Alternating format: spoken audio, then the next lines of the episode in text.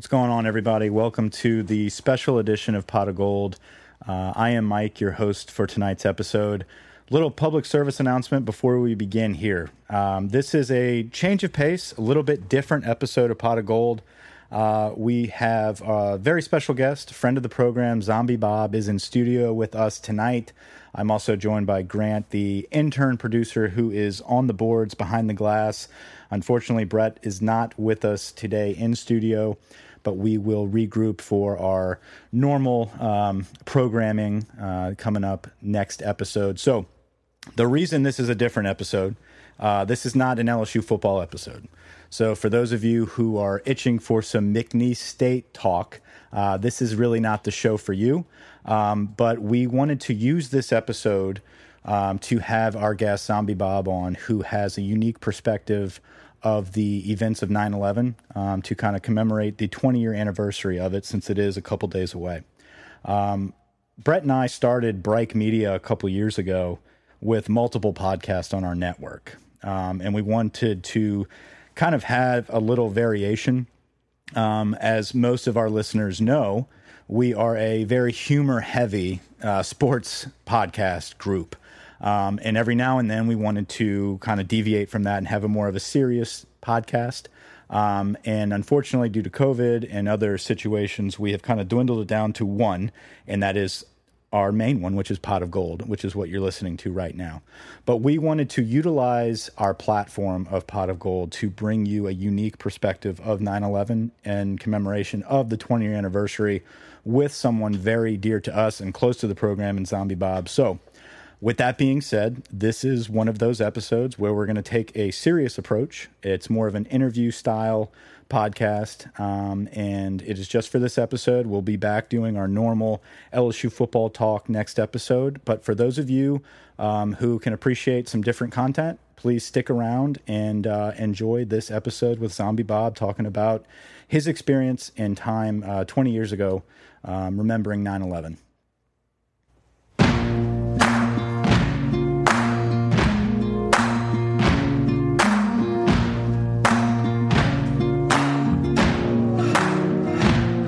Can run on for a long time, run on for a long time, run on for a long time. All right, guys, as promised, uh, my, I am Mike. This is Pot of Gold. Um, I am in studio with Zombie Bob, and Grant is behind the glass working the board. Great intro there, Grant. Thanks for controlling the sticks there with the music. We got that taken care of. Um, I'm excited about this show. Zombie, welcome into the studio. Um, this is pretty much your home base. This is your office uh, that you have so graciously, you and Daniel have so graciously allowed us to kind of park our studio headquarters here. So I'm welcoming you in, but you're here every day. So I am here every day, but it's nice to be on the program. Nice to be with the professionals. Yeah, it's good. Well, we're happy to have you. And like I said in the uh, the PSA, uh, this is a a different type of episode um, that Pot of Gold would traditionally do. It is a more serious approach. We want to talk about 9/11. Um, and it's not something that we thought of. This is something that you approached us with because it is something that is personal to you. It's near and dear to your heart um, and you have a very personal experience, and it's the 20 year anniversary. So uh, I appreciate you coming to us and using our platform to kind of get your story out there. Uh, we're grateful for that, and we're happy to have you. Well, thanks, Mike. I appreciate that. How are you? Good. Yeah, Good. doing yeah. well. Yeah, yeah. Okay, good deal. It's uh, Hurricane Ida has moved through and we're finished with that. We have do have a hole in the ceiling, so we do in the studio. Um, it it kind of would go with the vibe of what we're going to be discussing here, um, as far as catastrophes, destruction, and and moving forward um, after hard times. It's 20 years. It's kind of crazy. 9/11, 20 years ago. Absolutely. So when we talked before we started recording, I was 11 years old during 9-11 uh, you were in your 30s uh-huh. right? Uh-huh. living in new york. Yes. Where were, where in new york? We were in lynbrook new york. Lynbrook new york. So for, so for people that have no idea anything about new york other than the yankees and, and the mets. You're right and yeah, the mets yeah. um, give us a little background of lynbrook. Lynbrook uh, i used to be able to tell you it was founded in 1863. I don't know. Yeah, but it's Lynn Brook because it's the opposite of Brooklyn because the original people that went out to Long Island to settle there were from Brooklyn. Gotcha. And the famous sportscaster, sports writer Ray Barone from Everyone Loves Raymond, Yeah. uh, is in that's based in Lynbrook. Okay. So it's just inside of Nassau County on Long Island. How long were you in New York? By that time, Yeah. we we had moved to we moved to Valley Stream. Uh, Mrs. Abbey is originally from Valley Stream, New York, and which is just one town over, but it's the first town in Nassau County as you're going out east from Queens. What were you doing for work? uh, worked for Progressive Insurance at Okay. the time. So we had actually gone from New Orleans to San Diego. Uh, she got pregnant in San Diego with our son, and then we kind of decided, you know, where do we want to go and where do we want to put down roots. So Progressive actually moved us from San Diego to New York because everybody leaves New York. No one moves to New York. So we moved to Long Island, settled in Valley Stream, March of 2000, and then Okay. our son was born June of 2000, and uh, we bought our first home uh, June of 2001. Gotcha. So 01, you're right in the thick of things. You just moved to that part of New York, mm-hmm. right? And then this situation happens and changes the world basically in your backyard right whenever you move there, mm-hmm. correct? Yeah, pretty quickly. So, whenever you ap- approached me about talking about this, you you brought up an individual, a friend of yours, and it, that's kind of the inspiration behind this story. Tell us tell us a little bit about Lee and how you met him and kind of y'all's friendship leading up to these events. No, absolutely. So Lee uh, was married to a very good friend, I guess my wife's best friend. So Lee's wife and my wife knew each other from grade school, so like second grade, fifth grade, something like that. And uh, both musically talented.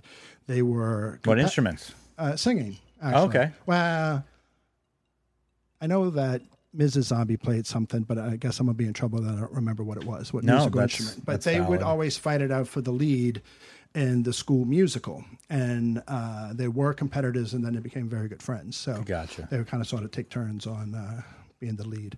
So then I knew Lee through their friendship. So my wife was maid of honor at their wedding, and um, you know, so I, I had known him long before, not long before, but I knew him before we got to Long Island, and then um, you know we're friends and whatnot once we were there.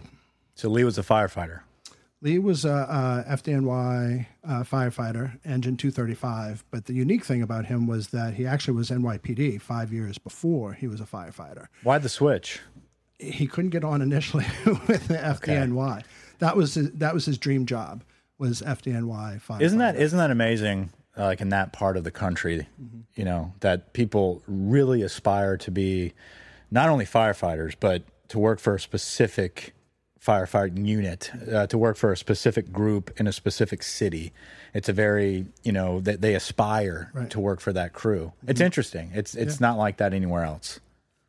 I, well, no, I agree. The Northeast, yeah, I would think Boston, but you know, I think Nor- uh, New York and Boston are very Northeast. I mean, like yeah. in New Orleans, people aren't dying to leave being a police officer to be a firefighter, no, perhaps not. right? Oh yeah, so So he was a firefighter in New York.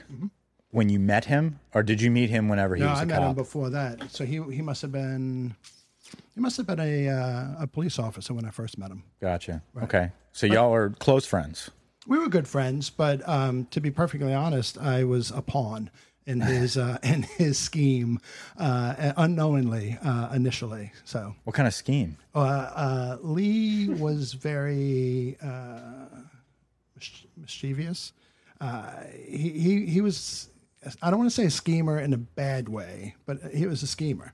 So Lee was uh, he was a, in a bagpipe band out on Long Island. Lee was originally from uh, Wantagh, New York, out on Long Island, uh, still in Nassau County, and um, very very talented. Like he could, play the pipes, he could play the drums, he could do pretty much anything uh, musically. And um, I didn't know that I was a, a, a, a unsuspecting pawn in Lee's hmm. grand scheme of things. So my wife and I, you know, son's born and they had a three-year-old daughter at the time and um, you know two or three years old and i you, know, you and i are sitting across from each other in the studio so they're at our house in Valley Stream. So this would have been 2000, early 2001.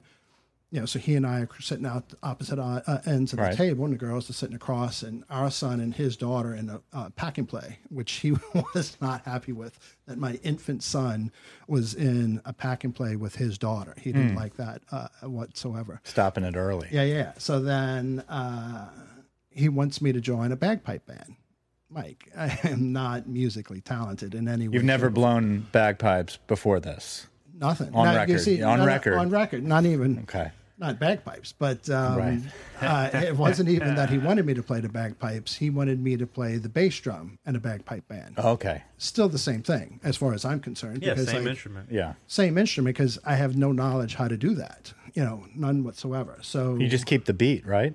in theory, sure, you know. And um, so he wanted me to join the bagpipe band from pretty much when we landed on Long Island. He's like, "Hey," and Lee was a big guy.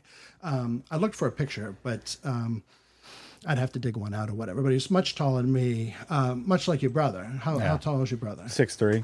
Yeah, so Lee would have been like six three, six four. Mm-hmm. you know, wide build. Um, not a thin guy, but you know, like But he wanted you to play the drums. he wanted me to play the drums, you know, and I for a year I put him off. I kept putting him off, putting him off because I had never played a musical instrument Right. ever. A, I don't have the talent. B, my parents didn't have the money, you know, when I was a kid to pay for lessons or you know rent an instrument or Tell me- like that. Tell me about these this bagpipe band situation. Now, this is a, a marching band that, that is in specific parades unique to New York. yes. Explain that. Explain that to the people that have no idea what we're talking about. Well, you and I were talking a little bit about it earlier. I was amazed moving to Long Island and then going into the city. Every I would have thought naively that New York is just one giant concrete block, Right. And, and whatever. But there are all these distinct small neighborhoods that comprise, you know, the city of Manhattan. And Long Island's exactly the same thing. You know, like Valley Stream, Lynbrook, Rockville Centre, uh, Malverne, uh, Hewlett. They all have these little uh, small town vibes, and Yeah. that is shocking because, like, you think about how, many people are on Long Island, how many people are in Right. the five boroughs of New York City. Um, And they bagpipe in so these, everybody has a bagpipe band. Every fire every department- neighborhood or every fire, department. There we go. Okay. All right, but like you pay so much in taxes, Right. you know, so then it goes towards the police department, the fire department, and then they have to justify the money that they get. So they all- all have these.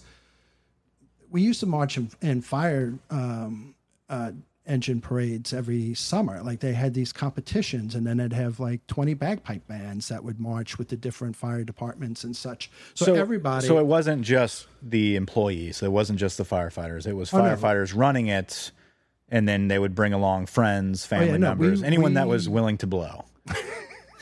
I'm sensing a theme here, Mike. Um, we belong to Wantagh American Legion Pipe Band. So it's an American Legion in Wantagh, New York, Gotcha. and they sponsored the uh, the bagpipe band. So it's a civilian Right. volunteer operation. But the beauty of being the no talent bass drummer was. You didn't have to buy the bass drum. If you were a piper, you had to buy your pipes. Okay. But uh, we weren't paid. We uh, we drank for free. Pipes are expensive. Pipe, a good set of pipes are expensive Like what? uh, 1500 2500 Wow. yeah, yeah Okay. or more you know but i mean we're talking back then i don't know what they are now Is there a uh, specific brand that's kind of top of the line? Is there a Fender of bagpipes? no idea Okay. so, I- but I- Lee, let's get back, getting back on track with Lee. sure Lee was all in on the pipes, oh absolutely and that is where y'all's friendship kind of blossomed, or what? it was because he needed me as an excuse Gotcha. this is my interpretation Right. he needed me as an excuse so he had gone through um, I, I don't know if he was a founding member, but he was pretty early on when the bagpipe band started with the American Legion in Wantagh. Okay. and um, you know, like we as a group, and especially in the early days before I got there, they would play anywhere for anybody for anything, so long as it was booze. You know, so like it was more a drinking club uh, or a collection of alcoholics that just knew how to play music. Right. And um, he was out of excuses. So he, you know, he was married. He had a young daughter at home. You know, one, two, three years old. You know, as it was going on, and my interpretation is that uh, he needed Steve to join the band. Uh, he needed uh, an excuse. He- Also, zombie. uh, you know, yeah. So then uh, he needed he needed somebody to say, "Hey, you know, like, you know, Yeah. Mrs. Lee, Gotcha. I'd be home tonight, but Zombie's first time playing this gig, this Right. party, this parade, this anything. So he would have had a year's worth of excuses built in. I'd really like to come home, but I just can't because Right. We have a lot of drums to beat. yeah, yeah, exactly. So, um, so then our son, we bought our first home in Lynbrook, probably closed like June first, two thousand and one. A week later, we had our son's first birthday party in that house, and um, Lee and his wife and their daughter were leaving, and I mean, he towered over me. You know, like I'm not, you know, I'm not six foot, but uh, poked me in the chest. Thursday night, eight o'clock, American Legion. No fucking excuses. You can curse on this Okay, program. Yeah, no fucking excuses. And like there was just no way I was out of excuses. I was out of everything and I had I couldn't back down from that point. So Yeah. then I went thinking it would be like so embarrassing that we would never talk about it in public. You know, like again, I had no musical background whatsoever. Right. So, you know, they strap on a bass drum and, you know, but the pipes, you know, pipes and drums are separate. You know, like so the pipes are in the back room doing the uh, no, the pipes are in the front room, drums are in the back room, and the pipes are tuning up and playing their little you know things and such and getting ready. And then when you're ready to practice, you circle up bass drums in the middle. So I'm bass drum. Oh, you're the center. Oh yeah. Yeah, of course. Well, of course. Yeah, right. I mean, if there was any position that I was born to play in a bagpipe band, it was the bass drum. So, uh, which actually wound up being extremely cool because, uh, yeah, I would be in the middle. The pipes would circle around me, the the snares would circle around me, and the bass drummer's in the middle.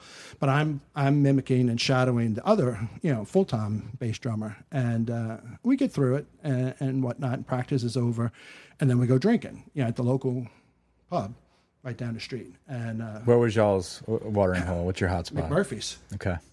named after the character in uh, One Flew Over the Cuckoo's. Cuckoos, right? Not there anymore. They um, he sold out. Actually, gosh, I can't think of the owner's name. They lost a brother uh, uh, who was an FDNY uh, on September 11th as well. I can picture him, but I can't think of his name. You see what happens when you get old. But um, so anyway, so we go drinking.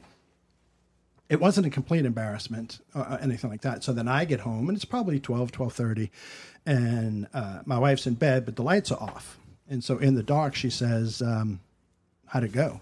And Mike, I started laughing. And she's like, it was that bad? I'm like, no, like just the opposite. Like they think I have rhythm. Like they want to give me a, a uniform. Like they want me to, to Yeah. march. And so then my wife starts laughing because I had never done. So She didn't if know it's she was sleeping with John Bonham. You know, uh, you know, I'm just saying, you know, like maybe being born and raised in New Orleans, you know, put something in your blood, you know, Right. some of that rhythm or or whatever. But uh, Some funk. it's some funk indeed. So yeah, so I was in the bagpipe band for three months uh, before September 11th. so leading up to that, your your friendship with Lee, I guess, just got stronger. Oh, Being in that Yeah, so group, then I drinking saw at night with him. I mean, just kind of Yeah.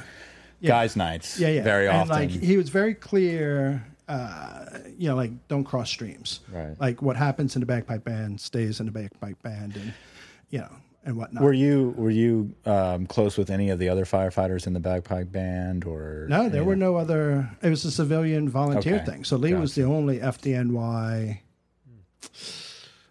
Richie came along later. I think I met Richie after September 11th. But the majority of it were civilian. Like you're civilians. saying. Okay. Yeah. And we actually had ladies in the band. So tell us about leading up to that day with Lee and his situation. leading up to September 11th. Yeah. You're jumping ahead here, Mike. Um, Well, I was, I- look, I'm keeping you on track. If you if you knew where you were going with this, let's Well, go. no, let's go. I'm Let's just go saying- day by day by those three No, months. no, no. So then I- I'll tell you that uh, in the bagpipe band, uh, so then I played the second bass drum, and then I was the only bass drum pretty quickly, but not that I thought that I was very good. And um, finally, I thought to ask, well, you know, because it was a volunteer situation. I didn't have to pay for my my kit, you know, like my kilt and my jacket, my plaid, the whole nine yards, uh, anything like that. And uh, but I, I'm thinking like, well, who wore this kilt before me? 'Cause Lee was very specific. Do not ever get caught wearing anything under your kilt. Really? The women, that was a different, you know, they weren't held to that. So free ball is the only ball. One hundred percent. Yeah, and then it's like I've been groped gazillions of times, and you know, if you say, "What are you wearing under your kilt?" Socks and shoes. Nice. Yeah, and that was it. And all. So, um, but I said, "Well, who who had my kilt before me?" And they're like, "Oh, Charlie did," and they all start laughing. I said, "Well, who's Charlie?" Oh, yeah, he used to play the bass drum. He had a heart attack. Oh, geez. So I had heart attack Charlie's kilt. So every time I stepped off, I'd make the sign of the cross and please don't let me die today, God. You know, like please don't. So um, I have a picture of Lee and I after the first uh, fire department parade. Now this is a fire department out on Long Island. I couldn't even tell you who we marched for or whatever. But this would have been late June of 2001. And so like I survived and he played the pipe. So I, the bass drummer is in the middle. Yeah, so pipes in front, bass drummer, and then the snares and the tenors are behind me. And um, if you're a piper marching in front of the bass drum, you're not very good. Really? Okay. Yeah. so you, a front line, yeah, yeah, a frontline piper is you know the best of the best all along the front row because they punch in the face with the music and the pipes as you approach you know the crowd going down the street and such. If you're on the sides. Either side, uh, as a bagpiper, you're pretty good. But if you're smack dab in front of me, you're terrible. No. So, uh, so I have a picture of Lee and I from the first parade that we did together that summer, and then you know I couldn't tell you how many parades we did that summer, but it seemed like it was quite a few. Right. And not that I got good at it or anything like that, but then he kind of fell off, and um, we had a band pool party. Actually, gosh, it's 20 years ago today, Sunday, September 9th, 2001. Uh, we had a band pool party at John's house, the the uh, drum major, and he and his family lived a few blocks from Lee, and his family, same neighborhood. And um, last time I saw Lee alive was that Sunday evening, and he hadn't been at practice. So here I'm going, but Lee was my connection. I'm not good. I, I know everybody, but I'm not tight with everybody like I am with Lee. Lee's like my my validity card, if you will. And um, How many how many people were in uh, in the group in the band? back then, back then we were good. Uh, Grant, we had um, I don't know, we probably had like twenty something pipes and you know like maybe 10, 12 drums. Damn. Maybe not that Okay. many, but I mean for a civilian. So a little bit close to 40, 30 to 40 people in the band. 20 to 30 you know and then when st patrick's day rolls around the, the ranks would swell people would come out of the, the woodwork to, to do all But at stuff that time, you you hadn't made it to a St. Patrick's Day yet because you had just started. yeah i had just started Yeah. yeah like so we would i didn't even have any any really great heavy drinking stories Right. with lee 'cause it Right. was just that summer you know uh, And how many times did y'all would you call it performance? I mean, what, how many times did we march that summer yeah, before yeah, prior Before to that? 9/11, how many times were y'all? handful four five six you know mm, you know eh, three four five maybe Yeah, yeah you got So- your feet wet a little bit, and Yeah, I mean, I was shocked, and and for actually the first time I called home and I told my mom, I said, "You know who Lee is? You know his wife, my wife." And she's like, "Yeah, yeah. Isn't he a firefighter?" I'm like, "Yeah." I said, "You know he plays in a bagpipe band," and she and she, yeah, I think you've mentioned that to me, and I said, um, "I'm playing the, the bass drum in that bagpipe band," and my mother, honest to God, said to me, "You told those people you know how to do that?" And what'd you tell her? Absolutely not. Right.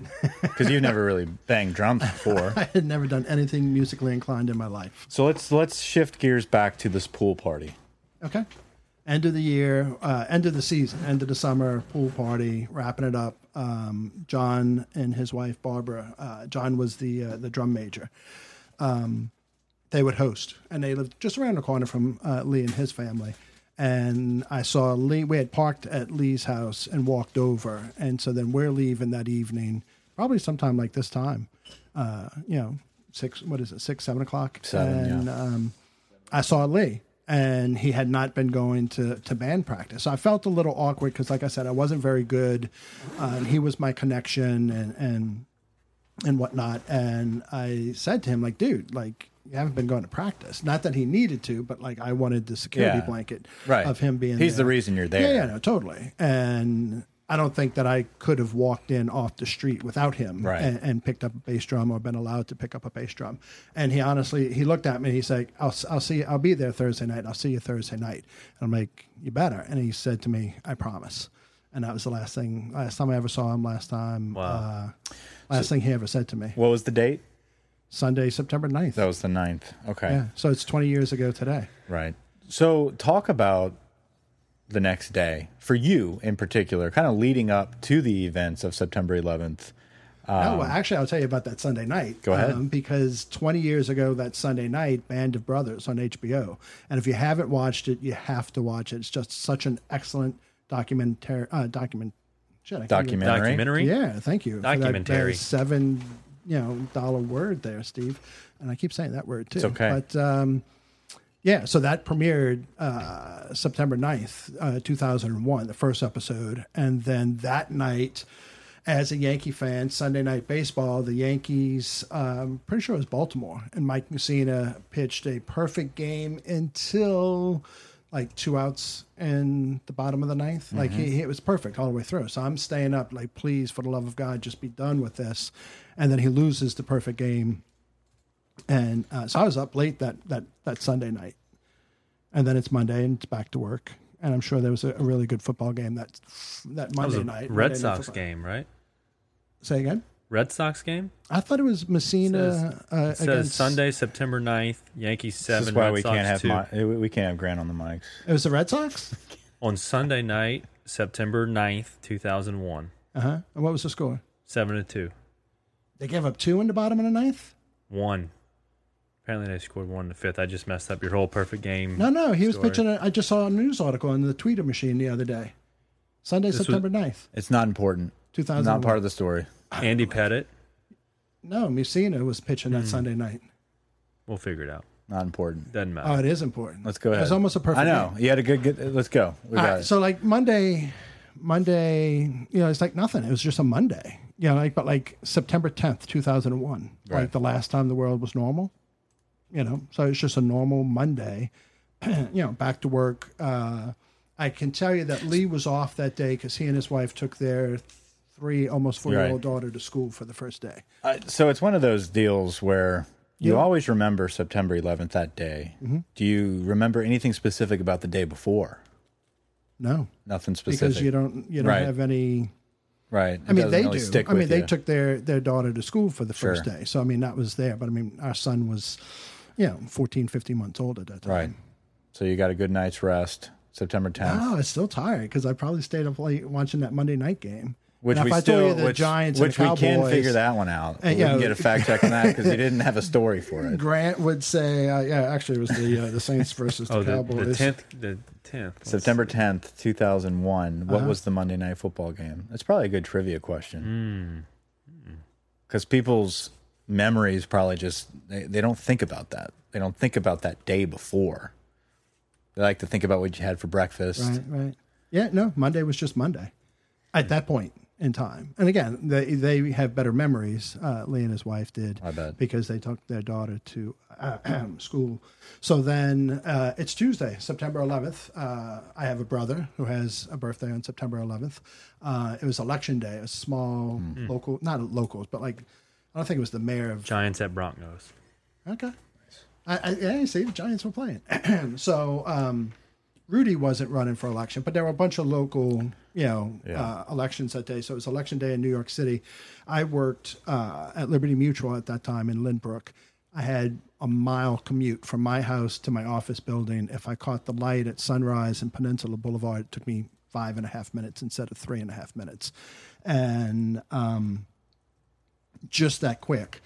The, I, the, the sky that that morning, that blue, it was just unbelievable. It was just like so. It just reached out and grabbed you. Like it. it I, I mean, I couldn't have been in my truck for you know five minutes, and it's like, Really? wow, look at that sky. And um, You talked about a song. Bruce Springsteen's, and I actually, it's on the Rising is his album uh, after September 11th, and if I'm not mistaken, like he got a hold of a a, a widow, uh, FDNY widow, like September 11th, September 12th, somewhere like pretty close. I may be wrong on the dates, but like, and you know, just like called her up, and like they talked for hours and hours and hours. So that whole album is, um, you know, deals kind of sort of with loss and not kind of sort of, but with loss and, and sacrifice and duty and such. But um, But the but the image of the sky, I mean, a beautiful day. so then um, he has, and the song is called "Nothing Man," and there's a line that says, uh, "The sky is still that unbelievable blue." Is what his line is, but I would disagree. I've never seen a sky like that ever, that morning. ever since. And um, so you know, you Take get into through. the office. Yeah. you get into the office, and it's it's just you know you're bullshitting as you're getting in, and oh, did you see?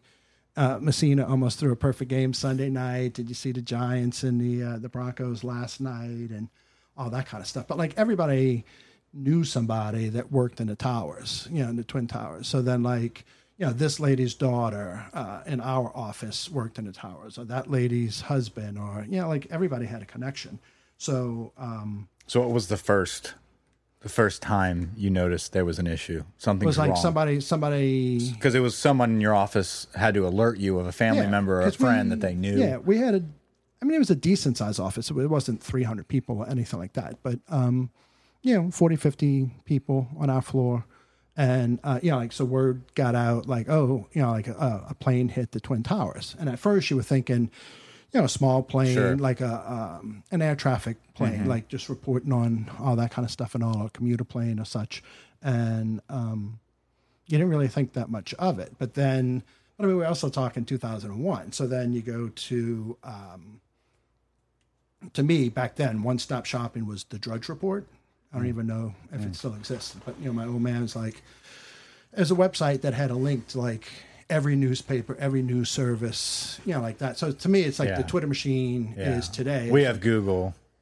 Yeah, but this was like a Yeah, link. it's still to- there. It is, yeah, but it's not nearly as popular as it used to be. But um, but you couldn't get to it. You couldn't get your computer to pull up, and you couldn't get you couldn't get to the internet to get it to pull to see what was happening and and whatnot. How far away you said your office was? we in Lynbrook, we're like, you know, 25, 26 miles from downtown Manhattan. So I mean, it's not far. So you didn't hear, see, like you no, we couldn't- didn't hear, certainly not. But Yeah. um, But you, but we were close enough. Eventually, you could see, Sure. probably. Oh yeah, because later that morning, Sure. we'll get into the smoke. Yeah, yeah. But then, um, so the first tower gets hit eight forty-eight in the morning, and um, you know, a, a plane hit it. But then there's the, the initial, you know, the fog of war, if you will, and you know, like they don't know what size plane, they don't know how bad, and you don't really think that much of it.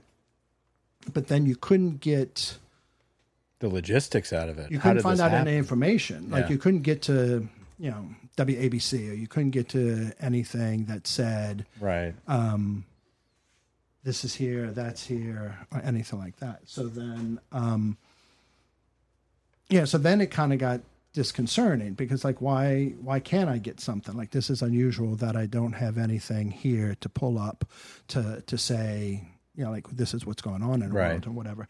So then like, So the- it's just all hearsay in the office. It's just It's all all, everyone rumors, and not, not a ton of cell phones. I mean, not a ton of. no, I didn't even right. have a cell phone at that point. Right. And, So um, there's not a lot of communication. You're just hearing every now and then people talking about. But it's slowly like the tension in the office is slowly rising because different people are di- you know able to call different people and they're getting different reports. So there's more like well no it was actually a bigger plane and and whatnot. And i was trying to call my wife. My wife worked as a uh, a salesperson for progressive insurance. So she was in the car all day long and i couldn't get through to her and i don't even think i could get through to my house which was a mile away and you know had a landline because i was going to ask my mother-in-law to turn on the tv to see what was going on and um but like I said, the tension's starting to rise because it's it just feels like there's something bigger than just an accident, and, and like there's more people nervous Wow. about all this,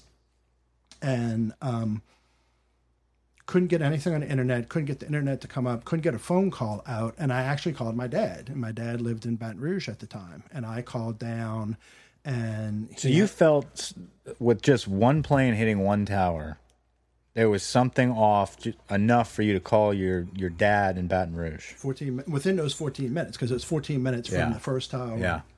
to the second tower. So when the second one hit, that's when all hell broke loose. When I called, I'm totally not even knowing that there was as big as it was, and certainly didn't know that there was a second plane involved. Mm-hmm. I got through to my dad because nobody's calling a two two five phone number, you know, on Long Island Mm-hmm. at that point. They're all calling into the city a five one six or two two five. Right. I mean, not two two fives, but um, two two one is New York. No, two one two. Now you say I'm going to lose my New York card. You're fine. But um, the first thing my dad said to me was a second plane hit the second tower. So he told you. it's terrorism is exactly what he said to me. So that was the first moment you realized this is an attack. This is intentional. Yeah. So then I was probably like, holy shit, like a second plane hit the second tower. And then, you know, like, I don't think I broke the news per se, but Mm.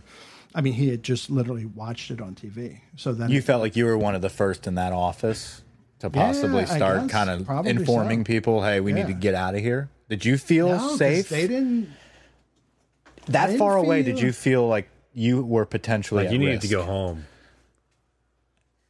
Yeah, I wanted to get home, but I also Yeah. wanted to find my wife and tell her to get her ass home. But um, I, I, I guess the question that I have, and I, don't, I No, no. hate to cut you off. No, not at all. Because we've got some time here to discuss, but I feel like this Grant just tried spit out his drink. this moment that you're talking about, it's very interesting to me uh-huh. because that is a moment that, you know, as an 11 year old in mm. 2001, uh-huh. I don't have those feelings of, oh, are we about to have our elementary school under attack? You know, like that is not something that would cross my mind. But as someone in their mid 30s during this, is it, do you think, is this just these towers under attack? Or the minute you hear about the Pentagon, do you start thinking every city is potentially at risk for something to happen? I need to, I need to seek shelter or I need to figure out what's next. It wasn't until after 11 o'clock that uh, we actually got dismissed from work. So it's probably like 11, 11.30. But by that time, both towers had come down. So Right. I don't think that we felt, I mean, we were in a six story building in Lynbrook. You Yeah, I like, know, but you never not a know. I mean, is there- no, How many people were in your office with you that y'all were like kind of corralled with? 40, 50. yeah. Yeah. Big group of people just Yeah, kind of yeah. freaking out. And so little then bit. we eventually, me and a bunch of guys, actually not climbed up to the uh, to the roof, but went up, you know, and then up to the up to the roof of the building and looked into the city, Mm-hmm. and you could definitely see the smoke and, and everything at that point. It is kind of interesting that time period. You say you have 40, 50 people around you. Mm-hmm. You can't really get a lot of information from the outside world. Landlines are busy or what have you. Nowadays, you get the whole world's perspective in a matter of seconds, where your perspective was pretty much shaped by your coworkers. Yeah, actually, even my dad. Hmm. Yeah. Yeah, because he was the one in Baton Rouge that, that essentially passed along the information, the most Yeah. current, accurate. You know, like this is legitimately what's happening. So, the, hmm. did you watch the towers fall from the rooftop of your building? I don't. or, or did y'all bring so. a TV in at that point? Like, Did We you just look at the TV aftermath? I mean, we must have had a TV because it was like you know, like it was all just disbelief. Mm-hmm. You know, just utter disbelief that those things would go down like that as quickly as they did. Yeah, I guess you, You know, don't really think it's about the magnitude Right. of these and then buildings. you think like, and, but even then you think, I mean, they, they collapsed one Down. floor uh, just yeah, completely pancake. down. Pancake. You know, so like, but you were thinking, okay, well, it must have fallen over or, you know, it broke off at the 40th floor or something like that. And, and it was You just nothing. couldn't You know, comprehend. could not comprehend. right. Hmm. I mean, but that non-comprehension went on for days.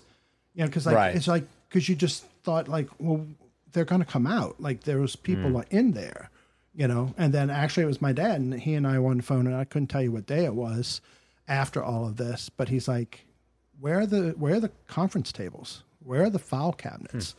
Like, because you they didn't exist because they were." pulverized you know like they you didn't see like this setup or the file cabinets anything really on tv you didn't see anything i mean you saw the outer structure of the towers you know uh, that came down Dust. but 25 miles away, how chaotic are the streets? Like was there was there panic that No. far away? Cuz I No. as we sit here, we're in Mandeville basically on the lakefront. Same distance from You New can Orleans. you can see the skyline of the city on a clear day. absolutely Um, I can tell you if there was a massive terror attack happening in New Orleans, I guarantee you this little town would be up in arms flipping out. No, I don't Yeah. remember any. I don't really remember. It was more just disbelief. Right. Yeah. And even when you're looking at the television and Just there's shock, yeah. nothing there, you know, like the, the second one come down and it's just still the big mushroom cloud, you're still not comprehending that there's nothing there. And, and you're not even thinking about who was, who might I know that was in the building, or I mean, did any of that cross your mind when? Yeah, I guess. I guess when did that start? When did the? Well, that started early. You know, that That started with plain the hit. people that had. I know people working. There. I know there, people that yeah. have worked there, but I mean, I. I But you didn't know anybody working there. You knew No. rescuers, right? which Right. is the story I was with Lee. But so naive, Mike. I wouldn't have thought. that- firefighters. yeah, Right. but just I wouldn't have thought that it was as big of an event as it was. And, and I, I, I say this, and I mean no disrespect whatsoever, but like mm-hmm. that's the freaking Super Bowl of all Super Bowls. If you're a first responder, you know, it's the biggest rescue history. And, and and Rudy said that Rudy Giuliani, the mayor of New York, said that that day. Like you know, this was the biggest rescue operation in in mankind history because you know they got. 10,000 people, 20,000 people out of those buildings or whatever it was. People forget to mention that. I think people Oh, no, lose totally. sight that there were people rescued. Not Oh, every absolutely. firefighter and, and police officer and rescuer, any, anyone that went in there, they did a job. Oh, absolutely. You know, absolutely. But um, but you just it, you couldn't comprehend it, you know, because there was nothing to compare it to at that point in time. You know, like obviously I wasn't alive for Pearl Harbor, Yeah. but then even in Pearl Harbor, this was was a military attack. right? But then military on military. This is a different type of and up attack. until this point, even though I didn't have a cell phone at this point, but this was like the most documented, a civilian documented event in human Yeah. history. You know, between the the cameras and people that did have cell phones and stuff like that, and there were just so many people that were. And that was 20 years ago. Imagine if it happened today. You know, nobody would be running. They'd all be videotaping the damn thing. But um, yeah, so you didn't even really process it that day. And everybody processes stress the same way. I couldn't get in touch with my wife. She walked into uh, a progressive insurance uh, agent office in like Queens. And I said, What are you doing here? And she's like, Oh, well, I came to talk to you about, you know, insurance. And they're like, Go home. Like, what are you doing here? Yeah. And she's like, Oh, well, I'm supposed to. And he's like, No, like, we're literally under attack. You need to go home. And um, I would have forgotten this, but she had somebody from corporate office in Cleveland that was training with her that day. He flew in that morning to JFK. She picked him up. They spent the day together. He spent the night at our house that night, rented a car, and drove back. He refused to fly back home uh, after that. But um, but I wouldn't have thought. Now look, I'm not a New Yorker you know, I knew my wife, I knew my mother in law, I knew a handful of friends. I didn't know anyone personally that worked in the towers. I knew that Lee was a firefighter. I knew that he was in Brooklyn, in Bedford Stuyvesant, in Bed-Stuy. Um, I would not have thought at that point, oh, well, Lee would go to that. Like, it's in Manhattan. Why would he go from what do you think the radius was of responders? Oh, everybody. I mean, they, you know, like there are people that walk through the, the, the tunnels that, that, you know, went, jumped out of a car and just started walking or running and just went into the nearest firehouse and grabbed whatever gear was there and just went. Really? So like, yeah. So like, A, it's their instinct, but then B, and I'm, I'm not being disrespectful by saying this, but that's, that's what they're trained to do. Sure. So it's like the biggest event ever. And they wanted All hands on of that. deck. All hands on deck. 100%. So, at what point did you realize Lee was involved in this? It probably was uh, Monday night. No, no, I'm sorry. This is Tuesday night. Tuesday night, Wednesday morning, and I don't remember if um, if my wife went to Lee's wife's house Tuesday night, but I think FDNY, and this is like the logistics of this. FDNY was at her house Tuesday night to say that he was unaccounted for. So like they were able to That's ascertain. quick. I mean, it's and I maybe I wasn't there at the house when they came. It was either that night or early the next morning, but like it was quick that they knew that he was unaccounted for. By Tuesday night, you said. I think they were there Tuesday night, and I Wow. think my wife went there Wednesday morning to see Danielle. But Wow. by the time my wife went, FDNY had already Now- been there. unaccounted for, was that an immediate loss in, in their minds? Or was there a lot of hope for some time that people were still trapped and that I- the recovery efforts could be successful? You know what I mean? Like, No, is that totally. like And right I- now, you looking back, you think, oh, of course. Of course, we thought there were people that were going to come out of Right. that. You know, it's just it was mind boggling that all of those people disappeared. Yeah. You know, so initially, initially, uh, we thought that oh yeah, he'll you know like he's not dead. You know, like they'll find him. You know, and I couldn't tell you what Wednesday the twelfth was like, and I wouldn't think that we were at work that day. I don't think so. I don't think so. So we were probably just glued to the television. Right. And then I had a dream Thursday morning, September 13th. Like, you know, like that, that you like you wake up at like four o'clock in the morning, you Yeah. go back to sleep before the alarm goes off. And I dreamt of Lee. Yeah. And in this dream, either he was in a room and my wife and I walked into the room, or we were in a room and he walked in and he never said a word. But my wife and I were hugging him and crying and crying and crying, and I misinterpreted it. And I woke up and I immediately woke up my wife and I said, Lee's still alive. Right. And um and that, in actuality that was him saying, Yeah, no. But um yeah. So that was that was September thirteenth. September thirteenth. That you started thinking. I still thought he was alive. Right. I still thought he was alive.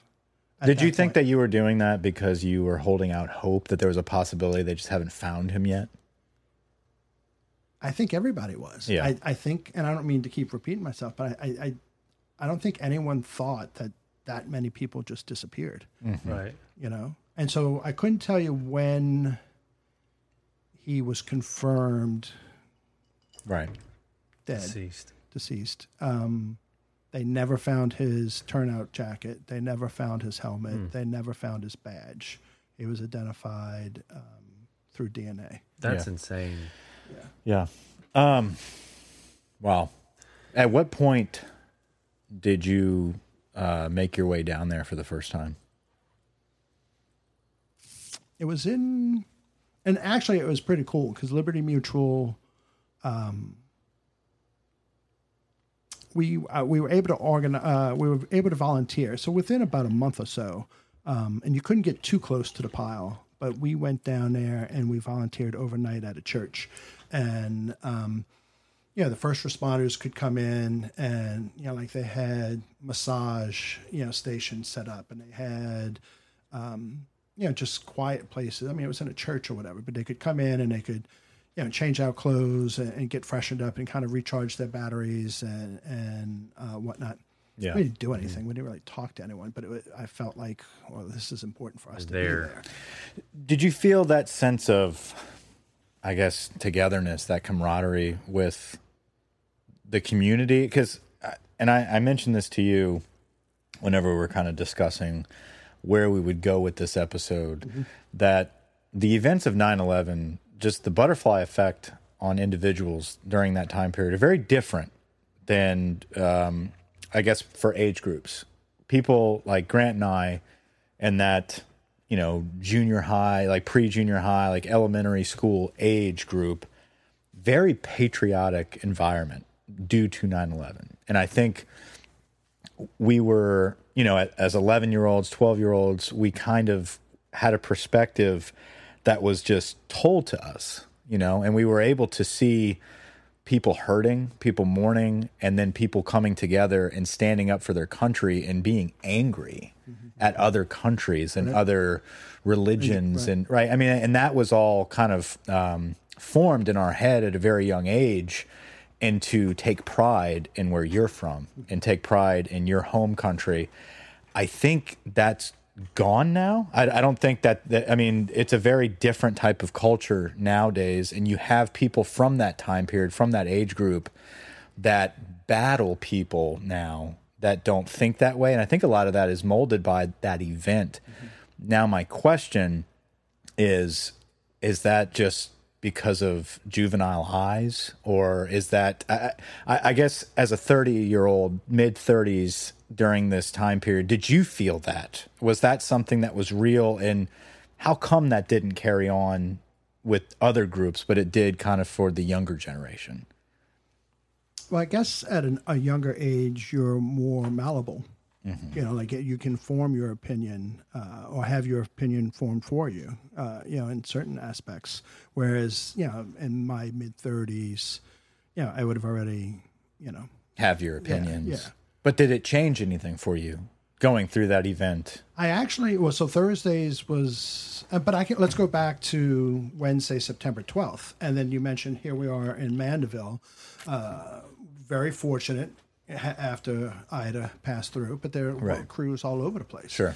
and um, that Wednesday was when all the from all over all these work crews started pouring in Yeah. you know, and, and welders and dump trucks and just anybody that you know was going to be able to assist but then they had the people on the highways you know like same thing here like i came in one day last week i went to gulfport to get uh, gas and supplies and came back in and i passed uh, a convoy of power trucks from connecticut you know Right. i'm honking horn and waving out the window uh, as and that's just you know that so then magnify that appreciation and patriotism that was already being uh, evidenced on September 12th, that Wednesday. But then you still, you know, go back to it, and I keep, you know, repeating the same thing. But then think about how many have you seen my husband posters, or how many have you seen my loved one posters that were plastered all over Lower Manhattan, and then like even all the at the um, at the hospitals, like everybody was called in, and they were all there ready to triage all the survivors, and they didn't have any patients.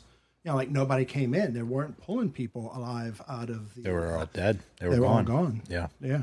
And, but you know, coincidentally, and I was thinking about this earlier, uh, around the corner from me, because the Port Authority uh, owned the two twin towers, and the Port Authority PA uh, was the police agency that was responsible for security there. And we had a canine officer that lived around the corner from us in Lynbrook, and he was one of 15 people that actually came out of that rubble. And um, Wow. not to go off on a whole tangent, but like he went up and he actually switched stairways. Like he went up this one, and then for whatever reason, he switched over from the A to Right. B or B to the A.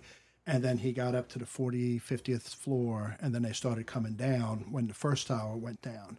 And they got to like the fourth or fifth floor, but they were in they were assisting an, uh, an elderly lady like they took a chair. They broke into an office and took a chair, and she was diabetic. She was overweight. Her name was Josephine, and they're trying to get her down, and they weren't going to leave her. And the tower collapsed, and they rode this pocket. Was that in the movie? Is that That's a different movie. okay. You're thinking about the one with Nicolas Cage. That's when he was trapped for a while. That was underneath, one, yeah. and that's a true story.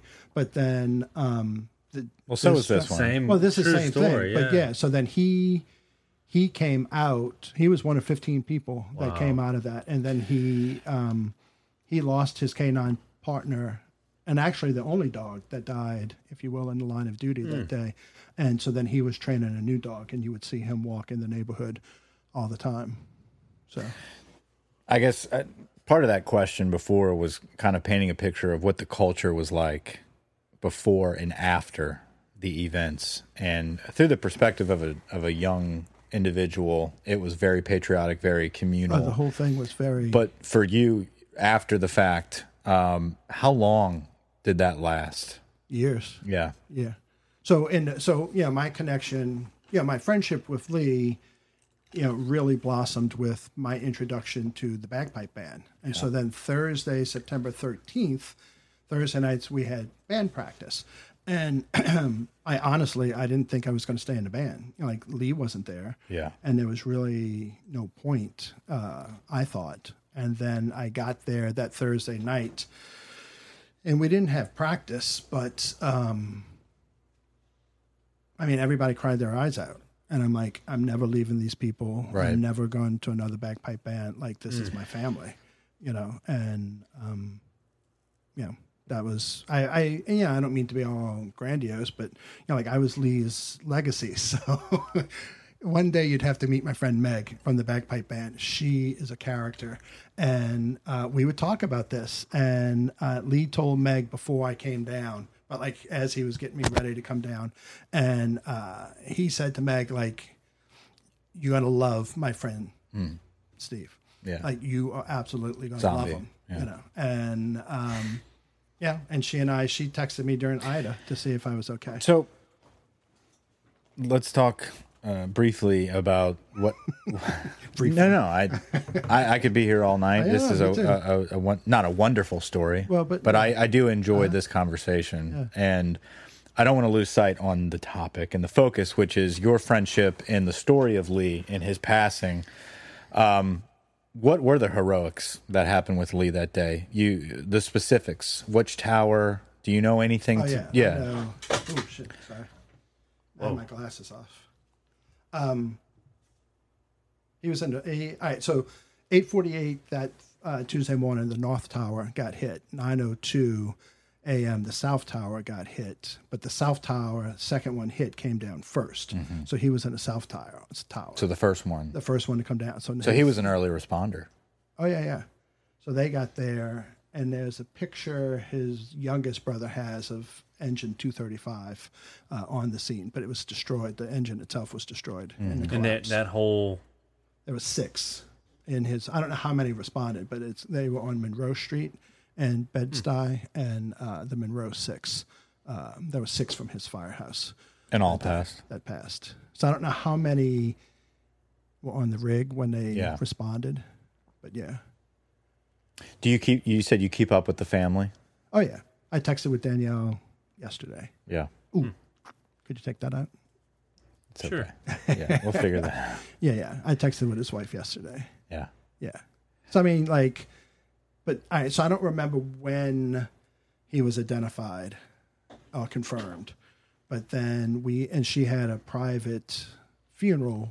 You know, very intimate that we were not a part of. But then she had a memorial mass, a memorial service. Anyone that's been listening this long and invested in this story is not going to pull around Danielle. Okay, but um,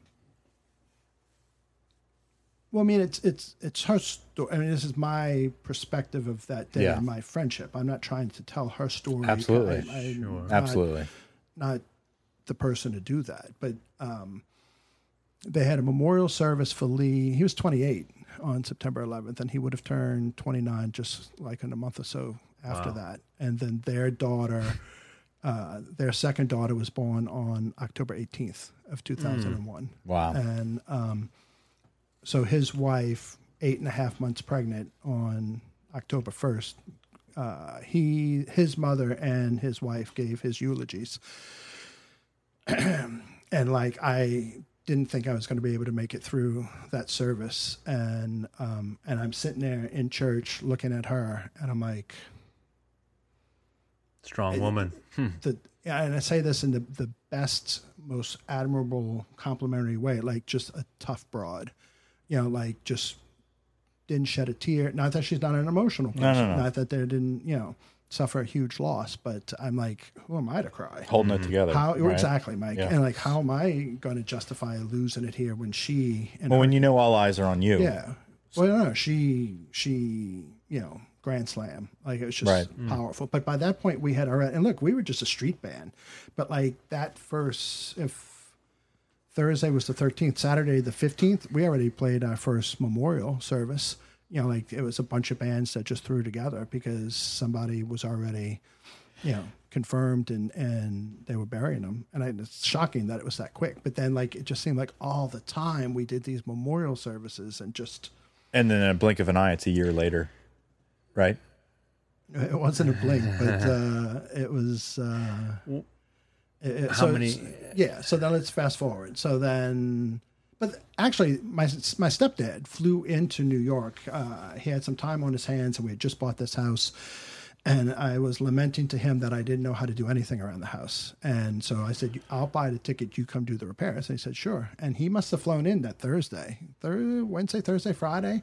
And uh, he's like, eh, it's the safest time to fly. You know, like, it's not going to happen again. There's no way they're going to. But he was like one of six or seven people that flew into New York after that. And, um, whatnot. But let me tell you, when they, when we had the power outage earlier in this episode, um, there's two stories I want to tell you about Lee. And um, For those that don't know, middle of this episode, the power shut off. At, We're in the middle of recovering from Ida, and there's multiple trees still on lines, and periodically we have power outages to fix fallen limbs, you know, whatever it might be.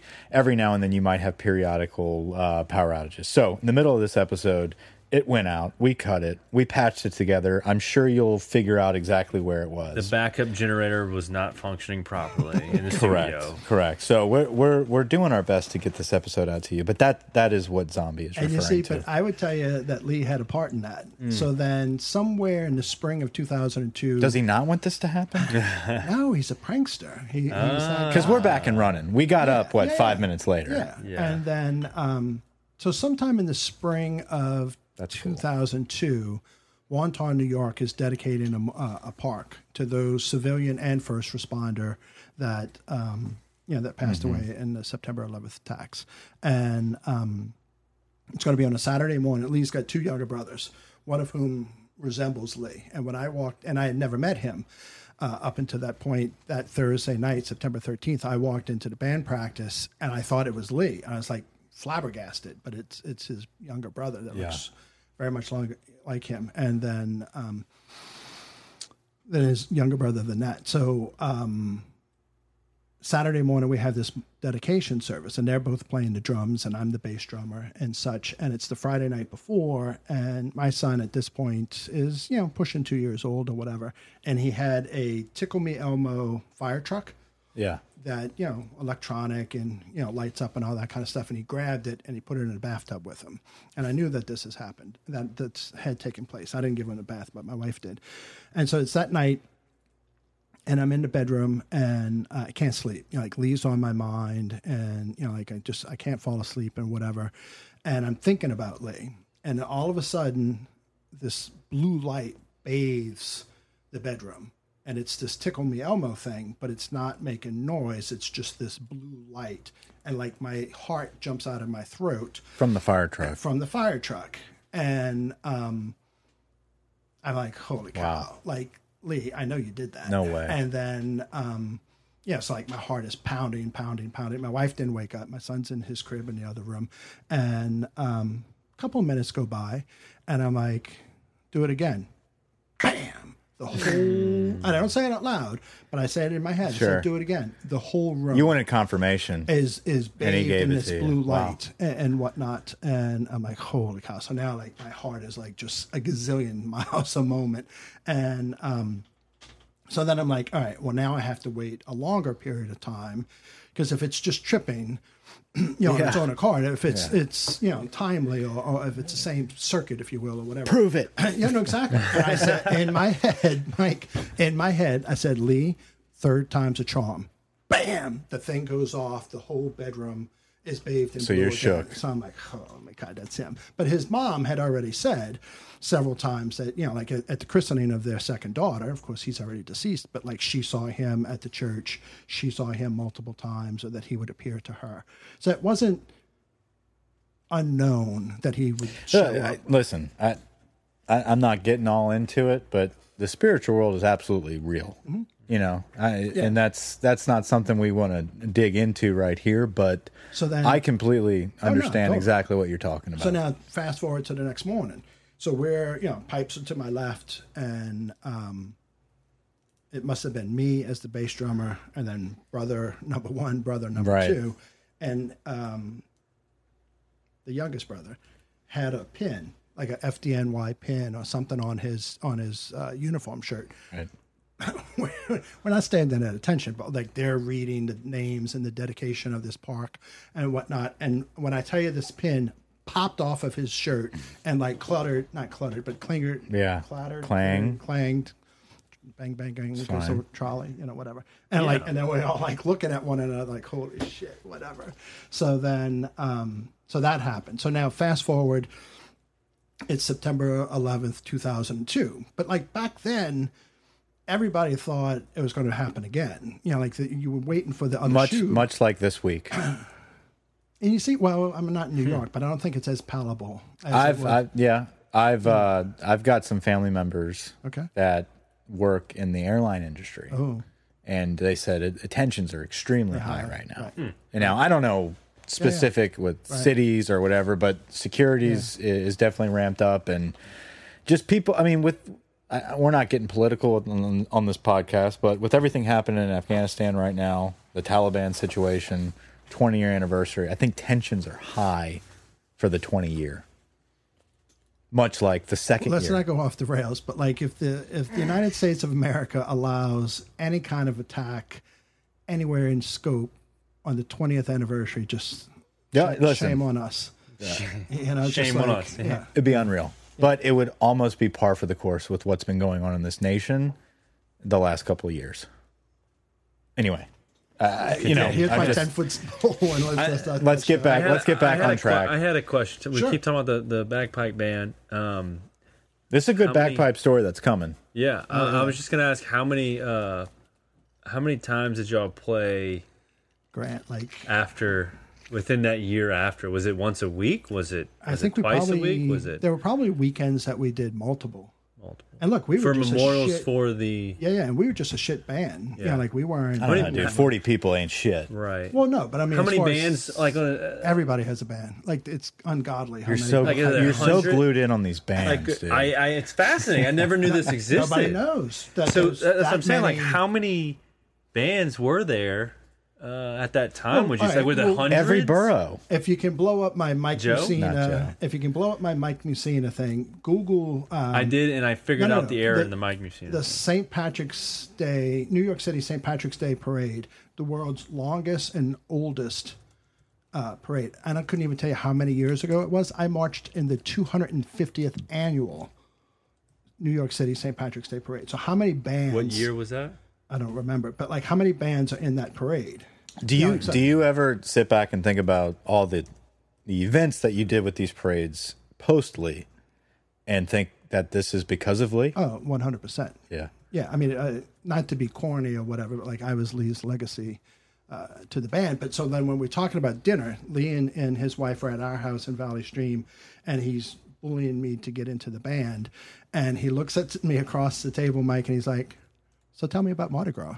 And that was it's like I was his excuse for a year. Yeah. And he wanted to come down to Mardi Gras with the bagpipe band, and I brought the bagpipe band down uh, in 2003. Two hundred bands. 200 bands. So then from New Jersey, Connecticut, Long Island, New York, you know, all that. But um, Lee wanted to march in Mardi Gras. And so I brought the band down in 2003, right here, the original crew of, of Orpheus. We marched in Mandeville.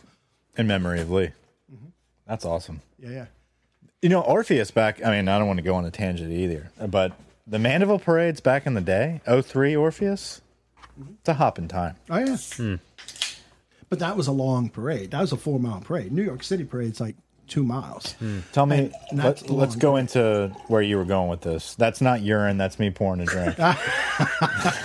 um, you were talking um, about the following year, and, and we got right, off on the rails. And uh, I, I- Yeah, yeah. just to be fair here, I don't want to. Well, I don't want anyone to think that I'm thinking anything's going to happen because of how our country has been going. I don't want anyone to go off the rails and think that's what I'm saying. Tensions are high. What I'm saying is there has been so much shit that this country has been dealing with lately and that what this world has been dealing with lately that it would not surprise me for people to attempt those type of acts. Mm-hmm. There's lunatics. I mean, like oh, no. absolute loons um, all over this world, some of which run important countries, and um, nothing would surprise me. So I agree with you. I, I pray that we are prepared for anything uh, catastrophic that would be intended on us.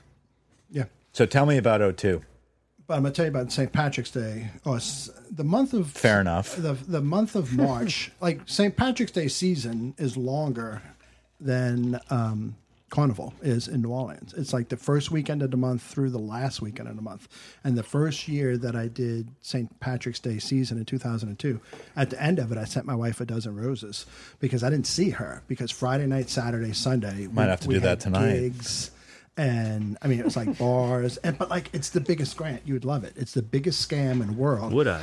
You go into a bar, like you march into a bar, and like you just knock everybody out of your way because it's like everybody's jam packed, and you just make room, and especially the bass drum. So like, I'm like, I'm knock the fuck out of Yeah, here. Like, get the fuck Side side story. My brother, uh Mardi Gras. Smacked in the ear by a St. Aug bass drummer. and that was totally intentional. and he was maybe 12 years, maybe no younger, maybe totally- eight, totally nine years old, Like, smacked in the close to ear, this drum. terrified, crying. oh, we had to absolutely. we had to leave. Oh, 100%. But that was 100% intentional. Like, don't get near my fucking drum. I totally understand that. So, um, A child? oh, fucking A. I don't care. so then, you got to respect the March Marching 100, man. So then, um, Absolutely. We I, it was great. You march into a bar you play there's no way you play 20 minutes. There's no way you play 15 minutes. I mean a set is just What's the yeah, name of the song?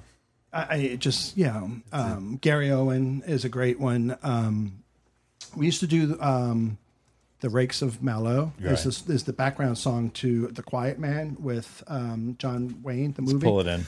and then but like we would play it three times through. So it's just like normal speed. And then the second time through like Yeah. you're picking up the tempo and you, you're hoofing. And the third time through, we call it ramming speed. And like you are just flailing away. Having a good time. That's awesome. All right. So look, so then you, you go into the bar, you play, you drink for free. You know, maybe you grab a burger real quick or something, but like you drink for free. Free burger. And then you go to the next place and you do it all over again. And everybody loves bagpipe bands in the month of March. Even if you hate them the other 11 months of the year, everybody loves a bagpipe band in the month of March. So then we're playing, and my friend John is the, the drum major. So, like, if we're not playing, the bass drum is keeping the beat. And so we're just doing, but then John would call out his um he would call out the next set like he'd look at the the pipe major and the pipe major would say hey you know, this is what we're going to do so we're in Rockville Centre which is a great parade uh, liberty town but like you know those americana scenes in movies and tv shows where people are like sitting on the on the sidewalk or on the curb and they're waving a little american Sure. flag it's long island and it's shocking to me. It was shocking to me. Like you think you know, Mardi Gras, like the original crew of Orpheus or whatever, anything in New Orleans, Yeah. it's like big giant parade or whatever. But like, it's amazing to me that it was such small town Americana. We used to do the the, the Fourth of July parade. We used to do the Memorial Day parade. We used to do the Little League. Um, kick off the season so it's like the bagpipe band and all these little league teams It was it was shocking. march- It was eye opening to you that it, it mattered to these people. well, that it's just such that small town feel in such a hugely populated, Yeah. dense place. That's nice. But uh, so we're in Rockville Centre. We're getting ready to turn the corner, and you know, like you make a turn, and then you go turn, and you're going to finish up in front of the church right there. And uh, John, the drum major, calls out the next set, and he's like, "America," because that was you know the set that we would play. And um, but like the crowd went crazy. Like all he said was That America. was that was the back that ass up. and that was the whole like that. The patriotism was so Yeah. you know strong and, and palatable then i mean I, I had goosebumps for, for and then we would just play what he called at that corner we would play all the way through so i mean we you know you'd play the whole time but um But you were you were you were but, like, feeling that. oh absolutely because Yeah. it was it was unbelievable that moment in time so now fast forward to so then we get through the summer and and everything so now i'm in like to their credit like that thursday night september 13th like there was no doubt that i was part of that Did, did you feel an, an emphasis on I'm a part of this band because of Lee's death? Like I, I, I want to invest more time into this band. I want to push harder for this. I mean, did you feel like a Oh, yeah, a yeah. charged battery? yeah Because I know because you mentioned before Lee wasn't showing up for practice, and you were kind of like, "Hey, what the hell, man? Like I'm I'm about to bail." right Lee passes, and now I'm all in. and I, but I was skeptical of that being all in. I went to practice that Thursday night thinking, okay, I'm done. Like I'm out. Like I don't have a connection anymore. And But then, what I'm saying is, eventually, like you're telling No, the story that about this. America getting goosebumps. I mean, yeah, like yeah. you were like, "This is that Thursday night, This the is me. 13th. I mean, it was just it was just family. You know, like it was just we were all crying on each other's shoulders, and So- we it's just we were all in. So tell us about this moment. No, no, that was it. Just Did you y'all know, like- play that night, or y'all just got together? The one now, tell us. Look, get to that story where you're going, okay, where you walked in to that situation. that Thursday night, back on the 13th. Uh, but you were talking about how the next year you stumbled upon Ground Zero. Oh, okay. Well, you got me in two different places. So the the thirteenth of September, two thousand one, I'm in. Like it's uh, my band. Like I'm Lee's legacy to that band. I'm never leaving. This Yeah. is my people. you know, this is my band. These, uh, uh, so then the, the picture that we took, Lee and I, after our first parade together, I had it laminated and it was on the, the curve of my bass drum. And it was there for, we moved in 2011. So I was there for like the next 13 years um, on my drum and everything that I did. Uh, you know, it was always everywhere we played, everywhere I, I marched, I was looking at Lee and Yeah. I, and his name was on. And then we changed the the skin of the drum and we put uh, his name on it and, and whatnot. So then, uh, my first St. Patrick's Day season was phenomenal. and then uh, now we're coming up on the anniversary of September 11th. Now I'm no longer at Liberty Mutual. I'm now at a company out further on Long Island, and um, there was they had an organized ceremony, and they had uh, five bagpipe bands that were going to start on the outer edge of each of the five boroughs, and they were going to converge at Ground Zero that morning. What are the five boroughs? we went over this. uh, Staten Island, Brooklyn, the Bronx, Queens, Manhattan. You Joe. could be you could be totally wrong, and I'd still say correct. Am correct. I wrong? No, I'm not No, wrong. Joe. Joe. Joe Burrows. Oh, Eh, sorry. eh, Oh, his, we've his drank brother we've Dan. drank too much at this point. Okay, but then, um, and look, Lee was never in FDNY bagpipe band, but he was FDNY. Yeah, Oh, wait, wait, wait. Can I go back? sure. Okay, so now it's still St. Patrick's Day 2002. Yeah, and we marched in the New York City St. Patrick's Day parade. And after that, we took the chartered bus and we went to Engine 235 Yeah. in Bed-Stuy, and, which is Lee's house. And uh, we went and we toured the house and we played and took pictures or whatever. I probably cried more that day than I did at his memorial service. Um, it's a shithole. yeah. Mike, it is an absolute war zone shithole. really cool hat though, Yeah, yeah. with Bed-Stuy on it. Yeah, I'm, I'm so going to tweet is- that out and let you know, kind of like a little teaser tweet for the episode. Okay. But yeah, no, I wore this as you can tell for for years and years and years. I'm not really much of a baseball cap guy, but um, Bed-Stuy, the house is it, literally where they park the firefighters is inside of a fence with barbed wire on top of it. Yeah. because the the residents in the neighborhood when they went out on a call, they would jump into the uh, the parking lot and, and vandalize their cars and steal stuff out of their cars. But Lee loved his job. I cannot emphasize how much he absolutely loved being a firefighter. And like this is where he loved being a firefighter. Like it's not a state of the art, brand new three point five million dollars firehouse with all the latest bells and whistles. No. This thing was over hundred years old. And he was um and I earlier today you and I were talking about Lee and I was always amazed to find out truly how talented he was. And like it was always like peeling an onion. Like you would always find more layers that it was not only the music, but it was also it was very artistic as well. And he was drawing uh, I guess the Engine 235 logo on their dining room table, and um, he was going to fill it out at the bottom with those that had given their lives in service prior to that. But then he intentionally left open space for names to be added before his death, before September 11th. So he was still working on it, and it wasn't finalized, but it was like the rough pencil drawing. Right. And then they, they they they put glass over it, or plexiglass or something. They memorialized it. It's just as he as he last left it. So okay, so then that's where he worked. Right. Loved his job. Loved his job. He liked being NYPD. Loved, loved, loved being FDNY. And um, so now it's September 11th, 2002 Correct. and uh, we I had a half day of work and I took the other half day because they like oh you know like you can take the half day in, in memory of those I think this. know. I think this part of the story, as we kind of come to a conclusion Uh-huh. of this discussion, I think this kind of embodies everything we've been kind of talking about. It's like these these moments that happen a year later, Right. and you've you've built up a lot of the discussion about remembering Lee Mm-hmm. and how he remind he reminds you that he's kind of popping up around you all the time. I feel like whenever you told me about this story, it's it's kind of shock, not shocking, but just kind of kind of wraps everything up and kind of tells you um, exactly the type of emotion that we're feeling in this studio. yeah yeah Go ahead.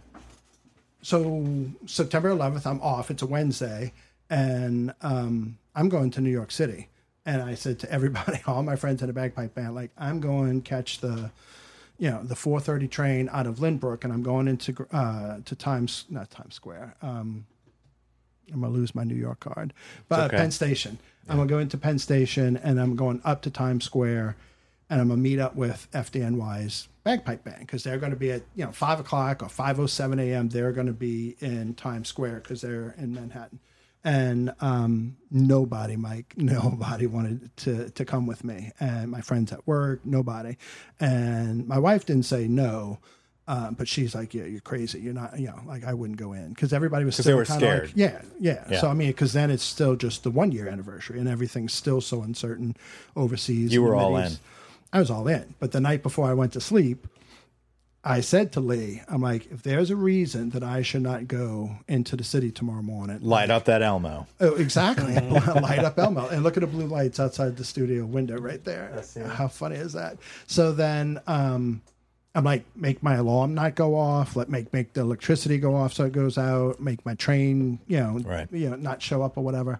And um, I woke up the next morning. I went, caught the train. I had a backpack. I had a. Um, you're too young to remember, but uh, a camcorder. I know what a camcorder is. 31. a big old giant camcorder. I had a couple of extra batteries. I had a bunch of tapes, and uh, I got to Penn Station, grabbed a couple of newspapers, threw them in my uh, my knapsack and uh, backpack, and I walked up to Times Square. But I'm I'm expecting like a Mardi Gras parade, like barricades, Yeah. a police presence, and like there's just 20 people hanging out in Times Square, just like waiting. And then all of a sudden you can hear the pipes coming, you know, 5.07 a.m. in the morning. And what they were doing was they had the little party buses and they were doing like two thirds marching, one third resting, and then they would swap off or whatever. So now I'm in a bagpipe band. So I know the calls and the signals Right. and the, the secret hand gestures that I say, this is when we're going to stop playing and switch off and all. So my plan was I was going to fall in behind the band, and I was just going to go back to uh, Penn Station. I was going to catch the train and go back home, yeah, and just watch everything on TV. But like the patriotism, even then, even that early in the morning, you know, in New York City, you know, tough as nails, New York, and, and everything is just it's mind-boggling, you know. So then you just kind of sort of got swept up into it, but it was like a very informal, uh, very intimate thing because there weren't any barricades and there wasn't any police. Hey, back up, back up. You know, you, you know, your brother's not getting hit in the in the eye by the bass drummer because there's nobody. They're not that pressed in. You know, like Yeah. it's just this you know ragtag group of civilians following this bagpipe. Just let it happen. and let it happen. So then we marched past Penn Station and there it went. But now people are hanging out of their apartment And, and, and, and let's keep track here. So that's where you were supposed to go. I was going to peel off right You're there. peeling off at Penn Sure. Station. You're calling it a day. Yeah, morning before the day even Sure. starts, and um, but it was cool. You know, like it was. You were caught in the really moment cool. and you said, was- Where is this going to go? Yeah, so like I'm videotaping, and again, I'm, I'm a novice bass drummer, but I'm behind the last row of snare drums in the formation. So Sure. I'm over this guy's shoulder, and Yeah. I'm videotaping. While you're drumming. No, I'm not drumming. I'm not playing. I'm just a civilian. Okay. And I, I still have the the, the polo shirt. um, it's uh, FDNY, NYPD, PDA, Right. PAPD. You So know, you're just you're you're along for the ride. You're I'm along for the documenting ride. it. I You're saying this- forget forget Penn Station. Right. Let's see where this crowd takes me. Correct. Where and does I it- have where this does it take baseball you? cap on, and then, um, but like I would never ever pass myself off as FDNY or as official or whatever. I had the cap on, but it says in memory of the Monroe Sure, Six or whatever. sure. You know, like if I was anything, I'd be I'd have something like a, a lanyard or some some kind of badge Right. or something to say I was legit. But um, I just keep following them, and like the, the the ranks are swelling, you know, around us and behind us as the sun comes up. So now I wouldn't really have told you we went down seventh, and then we hang a right, and then we get to I listen, I'm not going to correct yeah you yeah on the the, directions. West of Manhattan. Side Highway, and um, the sun comes up, and it's reflecting off the buildings of New York City, And I, you know, like I was still very new to New York, and we, we were a young family, you know. So we had just bought our first house, had our first kid. We didn't have a lot of money. We didn't party or do a lot in New York City. And I swear to you, Mike, the the the sun comes up and it's reflecting off the city uh, buildings on my left, and I look to my right, and it's the Statue of Liberty. And it's like right there, and I'm like, holy cow! You're in the moment. Totally phenomenal, and um, so I'm still, you know, videotaping, and I know when they're going to stop playing, so I stop recording. I'm swapping out my battery and my tapes and recording, you know, like logging it, which one is which. Do you still have everything. Yeah. Wow. Yeah, but it's one of those things like I need to put them on a DVD, Sure. but I'm afraid. Yeah, like right now in a perfect world they exist and I could watch it and you could see it, but like I don't want to. No, no, You know, you I- have that memory. Yeah, yeah, you know. So then, um, so as we're doing this whole thing, I'm in the same spot the whole morning, and there's this attractive woman that is with the snare drummer, like three guys up from my guy, right? And I couldn't tell you how many people were in FDNY, but like it's a big bagpipe band. And Well, uh, she must not be good if she's in front of the drummer. no, no, she's with the drummer. Okay. She's a civilian as well. but she, um, like when they stopped and took a break, like she'd go over to him and they'd make out or they would talk or stuff like that. And then she'd peel off. But when we got to a certain point on the West Side Highway, the powers that be like blocked off the crowd behind us. So then we only had about 12 people with the bagpipe band and she was one and I was one. But like no one ever came up to me because I would have never disparaged Lee's memory by saying, "Oh yeah, I'm I'm official and I'm a bagpipe, you know, I'm FDNY or Right. you know, and I would have never done that. But nobody came up to me. And um so there's just like 12 civilians with the bagpipe band once we got to a certain point on on the west side highway so like i've already seen the sunrise reflecting i have already seen the statue of liberty now there and then they block us off so then we're still there well i still don't know where we are so then they form up and then we're going to start marching so we kind of do a little zigzag and we're marching we march past ground zero like the pit is to our left and then we go past the pit and then I don't know what street we turned on, but then we turned onto the street. Well, then FDNY was going to be the last of the five bagpipe uh, bands that went from the five boroughs in to Ground Zero. So NYPD bagpipe band was leading this procession. PAPD, you know, sanitation department, maybe the court offices, whatever Sure. it was. But Big group. FDNY is at the end. So now there's people like officials, like in military uniforms, and you know, officials within the the police department and everything but I'm still where I am. Yeah. And this woman is still, her name's Tammy, and she was a stewardess, I found out later. And um, so now they call, you know, they're forming up and they get ready to step off. So I get right back to where I was the whole morning. I'm behind the last row of the snare drums, FDNY, eh, as a civilian with my video camera right there. Well, she says goodbye to her guy, and then she steps onto the curb. And I'm like, hey. And she's like, hey. And I'm like, you with him? And she's like, yeah. I said, come with me. And she's like, okay. And so then she gets next to me. She gets next to me. And then she might have like pushed me over one. So she's on the outside. And then they, they step off. So then they start playing. And I said, look, I said, we're not going to do anything disrespectful. I said, we're just going to go until nobody else is going to, you know, until somebody stops us. You know, like we're just, Sure. when they say, hey, get the fuck out of here, Yeah. we're going to do exactly that. so as we step off the side street and they start going, well, all these like official people in, in uniforms and all this fill in behind us. And so she's like, oh, there's people behind us. And I'm like, okay, just be cool. And I'm like, what's your name? And she's like, Tammy. I'm like, okay, I'm zombie. Right, One day to be known as and uh, and whatnot. And I said, I'm not being forward. I said, give me a hand.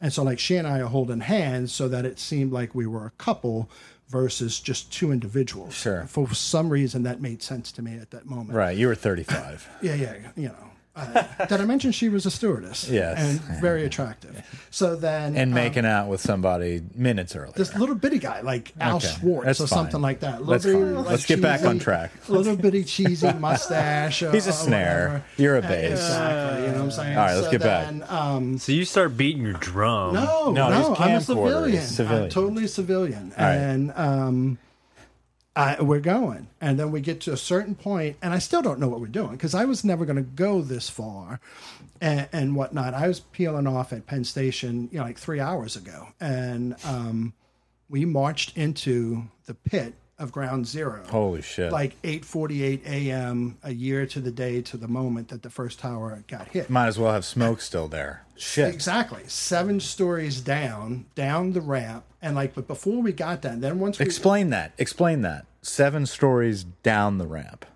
because the the the pit of it, you know, It just it's dug all the deep. That's what I'm It's saying. Seven It's- stories deep, And Yeah, you the walked. basement. You got down there. I have rocks. I have I have a handful of rocks and a handful Shut of up. gravel. Holy and shit. like dust or sand, if you will. And this is all on a whim. Totally. Totally. And now you say a whim. I totally think it was Lee that guided this whole thing. And, um, but like before we realized, but it's like being in a roller coaster. Like we didn't know that we are about to go down this ramp. So like you're going, you're going, you're like, oh shit. Like we're going into the pit.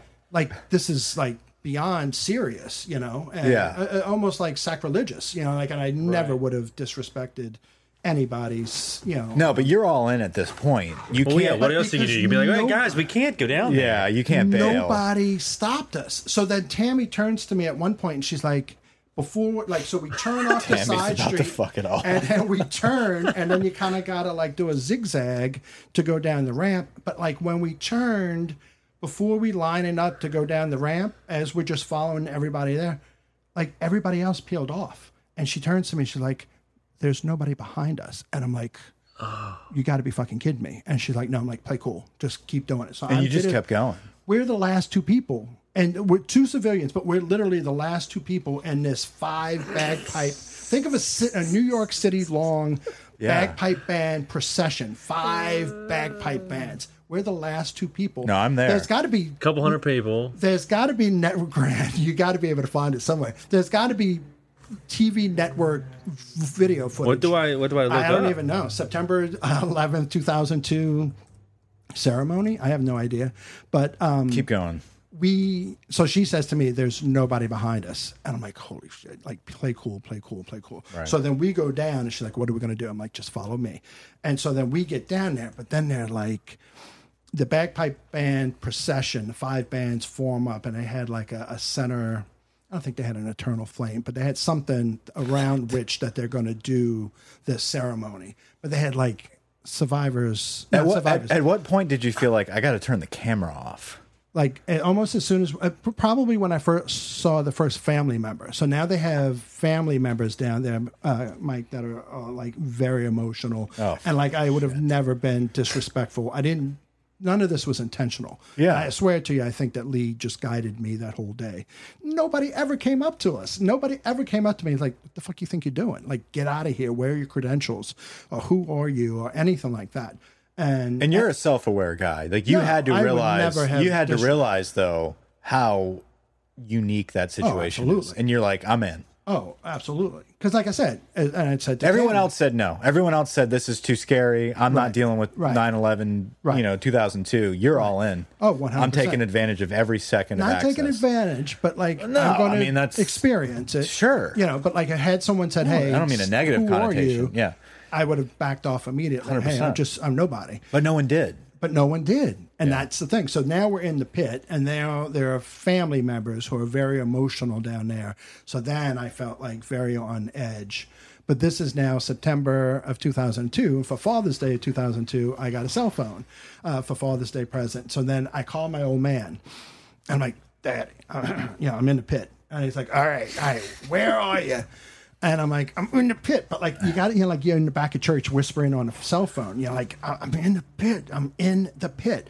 And he's like, all right, well, you know, I see Rudy on TV. Where are you in relation? I'm fucking seven stories below Rudy. Like I can't talk.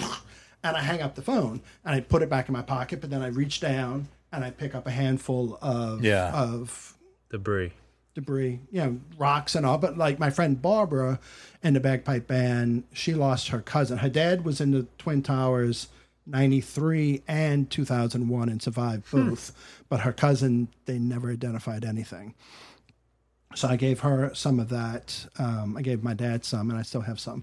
But um, so I said, she's like, so Tammy says to me, "How are we getting out of here?" I said, "We coming in the same. We going out the same way we came in." Yeah. So they did their ceremony, and um, much of that was a blur because it was just mind-boggling Oh, that yeah. this had happened. You're in awe. Oh, you know, and whatnot. So then when they formed up again, I fell in behind the same guy. But I mean, to his credit, he never once turned to me. It's like, "The fuck are you doing?" Or "Who are you?" Or "Why are you?" Or anything like that. No, So- but I think I, I think that comes with the territory, though. I think that happens where everyone's in awe, right? When you're when you're moving in that direction, everyone's in awe. No one gives a shit if someone has credentials or not, and if you did, what kind of prick are you? Where you're going to look around and be like, "Get rev- out, get out of here! You're not welcome here." Like, who is welcome? Right. You know what I mean? Like, I, I don't, I don't, I understand what you're saying, though. Like, obviously, if there's someone in charge Right. of of vetting who can come down here, but I mean, if if you're not causing a scene and it's two of y'all, what's the problem? well, yeah, but it's, also the- New York City. It's the you know? reverence of the situation. Right. Right. And that I was trying to pay homage to. I didn't Right. want to disrespect in any way, shape, or form. I mean, that right, right place, right time, and Right. dedication to. I'm I'm I'm here for my buddy. I'm here for everyone that's fallen, and I'm gonna I'm gonna see where this goes. Yeah. Until So someone kicks me out. Yeah. And so then we marched out. And then we get to the top of the ramp. And I can't explain like the eupho- euphoria. Mm-hmm. Like it was just a total high. Like I cannot believe. Because then everything just, you know, disbanded. And then so sh- Tammy introduced me to her boyfriend, friend. She was a stewardess. I think that was just her New York guy. You know, Yeah. like when she flew into port, you know, Sure. like that was her hookup or whatever. And um, we may have exchanged phone numbers. I, I never saw her again. Never talked to her again. I tried. Delta? like. I want to say United. Yeah, But, probably. uh, you know, but then, um, but wait, there's a little bit more. Okay. So then, um, it's it's you know, there's always a little bit more. Grant. So then it's September 11th, and then I go back, and I'm like, oh my god. So then my dad's blowing up my phone. He's like, I can't believe, you know, like how did you? And I'm like, you know, like walking on clouds, and um, there was a ceremony in Seaford, uh, New York, on Long Island, on the South Shore, that night that my bagpipe band was playing. And it was a mass at a church and whatever. And the Scots Guards were in town, and I don't know how they got hooked up with us. But like this is like the the foot guards for the Queen of England. It goes all the way back to you know like the 1600s and King Charles I, who was the Irish and, and English king crazy. Yeah, yeah. I said Irish, it might have been Scottish, but um, yeah, like just crazy. So then, like we marched with the Scots Guards that night, and we formed up, and then we marched to the church, and we did this, you know, did that. We went inside for the ceremony and everything and all, and then it's afterwards, and we're gonna march out. So I got my my drum, and I'm on Mike. Excuse me, I'm standing in the middle of the Scots Guards. I got my bass drum. I'm the only guy from my bagpipe band in the middle of their formation. And so my buddy Vinny, who was a tenor drummer and who would later become uh, the drum major, uh, he's like, Steve, Steve, get out of there. And I'm like, fuck, like we're, mar- get out of there. So I march over to the side. He's like, nobody marches with the Scots Guards. Like it's September 11th, 2002. Like they bestowed upon us an honor. Like no one marches with them ever. And I'm Wow. like, that's cool. Like I was just, you know, playing my bass drum. So I have pictures with us marching with the Scots I like Guards. to play. Yeah, yeah. But it's like fucking crazy. Wow. Get the fuck out of there. Absolutely. that's, absolutely um, crazy. That's wild, man. Yeah, yeah, Thank you for telling that story. yeah. No, we're we're we're um we're close to about an hour and a half now. I'm not surprised. So But look, I I'm don't just- no, I'm not cutting you off, but what I'm saying is I, I want you to use this time as we come to a conclusion to talk about whatever you want to talk about before we wrap up. Maybe where is 50 year old Lee nowadays? I mean, Oh, he's still drinking and he's still playing. and he's Shutting the power off to this podcast. Yeah, or no, one hundred percent. I told the first thing I thought of was Lee What was Uh, his when- What was his drink of choice? Yuengling. He- he was a Yuengling's beer big up there. New Yorkers are so Beer. beer. Like their thing, Grant, is to hang out in the parking lot and drink beer all night long. And I'm like, this is so fucking boring. Can we go to a bar? And like, no, no, because that's what they did growing up. You know, like in their teenage Smashing years. bottles. Yeah, Just you know, parking it's just lots. like parking lot, and they perfectly content, fucking drinking. that what you beer. did? No, fuck no. Give me Crown and Seven. Right. You know, it's like no. We used to go when I was a teenager. We'd go to Pat O'Brien's, and you figured out which which uh, glasses were uh, redeemable for the deposit. So we drink our twenty bucks. was and 11 we'd walk bucks or around and pick up all the drunk bucks. tourist stuff, cash them in, and keep drinking. You know, but um, It sounds. I mean, it- you know, but we- like the the bagpipe band, you know, like and I was texting Ying. John, um, yeah, like it just the the friendships, the memories, uh, you know, just the experiences, you know, the fact that I marched in the 250th annual New York City St. Pat- St. amazing. Patrick's Day parade. Um, we would march, and then I don't even know how we got the the hookup, but we would march with the Fighting 69th. Uh, so like the Fighting 69th goes back. Um, it's a New York regiment, but it's like it's the Fighting Irish because uh, Notre Dame got their nickname because the priests that were attached to the Fighting 69th in New York during the American Revolutionary War went and founded Notre Dame, and then wow. that's where they get it. So we would march, Fighting Irish. We would march with the Fighting 69th veterans. So we were like the third or fourth bagpipe band in the parade in the New York City parade. ipso facto, you play for Notre Dame. I mean, You, you could Sort of. that. We would play. So, but we weren't. We weren't good. Like it wasn't. We weren't the fourth best band out I of can't two call hundred.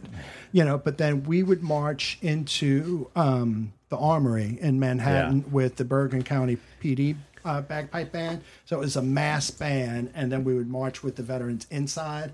And the echoes with the bass Mm. drums going, and the drums and the snares and the pipes, just unbelievable. Well, listen, I I appreciate you telling this story. This was really informative.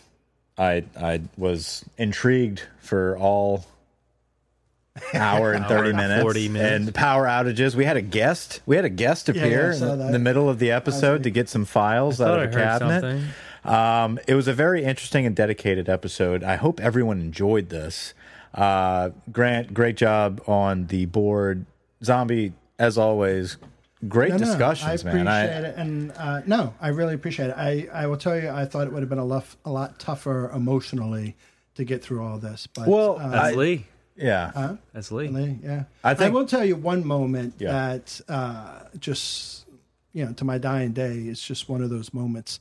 Um, so his wife was down in D.C. with the widows uh, post 9/11, and uh, we had his daughter, who was four years old, and then we had his newborn daughter, and we were babysitting, and uh, his his infant daughter uh, was fussing in the middle of the night, and I got up and I went into the guest bedroom where the, the girls were, and I pick her up out of her crib, and I'm you know shushing her and, and soothing her and trying to get her to, to stop or whatever, and then I do, and then it just struck me, you know, like Lee's never going to hold this this child of his, and like he will never have this moment. I'm just like bawling my eyes out, and I put his daughter down and I kiss her goodnight, and then I go to his older daughter who's laying on the, this twin bed, and she had his uh, memorial card on her pillow next to her. And I leaned down, and I'm still bawling my eyes out.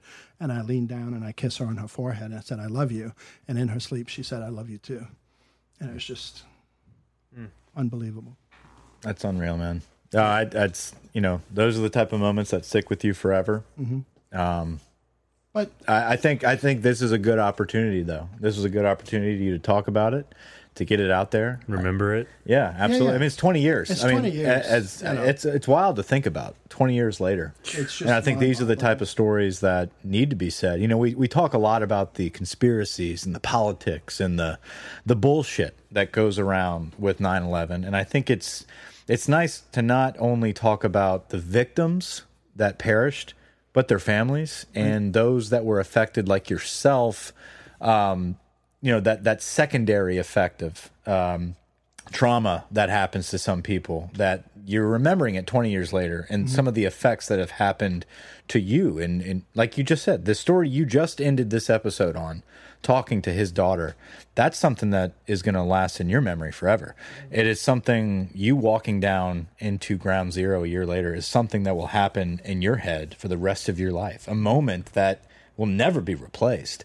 And it's only possible because of what happened to Lee. And I think that is something that we need to think about 20 years later is that it's not just the victims and it's not just the situation with the towers and the Pentagon and the people in Pennsylvania and the field. It's it's this country and it's the people and the lasting effects of the third parties that are affected 20 years later. Right.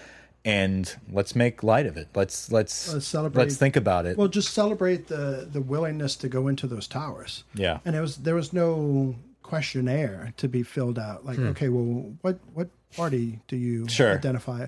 What nationality? What race? What gender? I mean, back then, well, you would have never said Yeah. that you had you know. So like, they, just they- communal. It's They, pride. climb those stairs.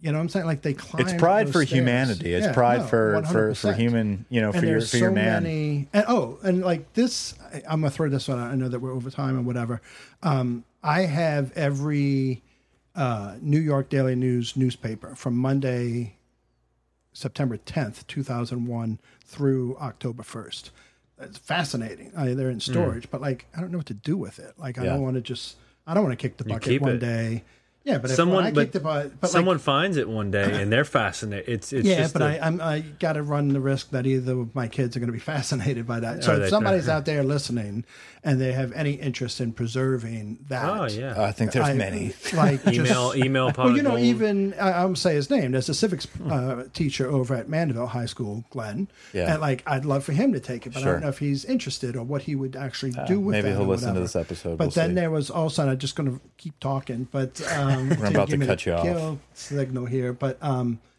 Last thing. security camera had caught a, an engine going across one of the bridges towards the, the towers. Yeah. Uh-huh. But later in the morning. And this didn't, I couldn't figure out why I didn't have it because this didn't show up until like October of 2001.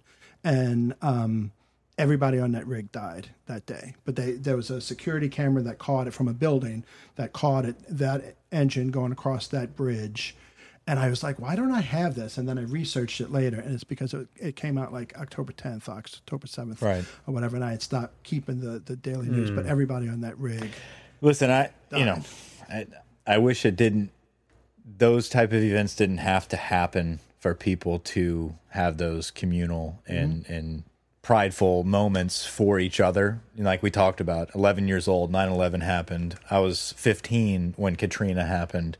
Uh, kind of my childhood, teenage years was kind of formed around that feeling. Absolutely. Um, and it just it's a shame that some people don't feel that unless those events happen. So it would be nice at the 20 year anniversary to think about coming together. And I hope that your story and some of this discussion um, can influence some of those discussions. So with that being said, let's wrap it. Sure. I had a great time. Um, I appreciate y'all having me. For all the pot of gold listeners, we will be back next time with discussion about LSU football. Unfortunately, it's not the best times for Ed Orgeron and the Tigers, but hopefully we can bounce back and, and do something positive and, and talk about that. But this was a good change of pace. Thanks for everybody uh, for listening, everybody that stuck around uh, for this episode. The change of pace special edition with Zombie Bob. Grant, again, great job on the sticks. Till next time, over and out.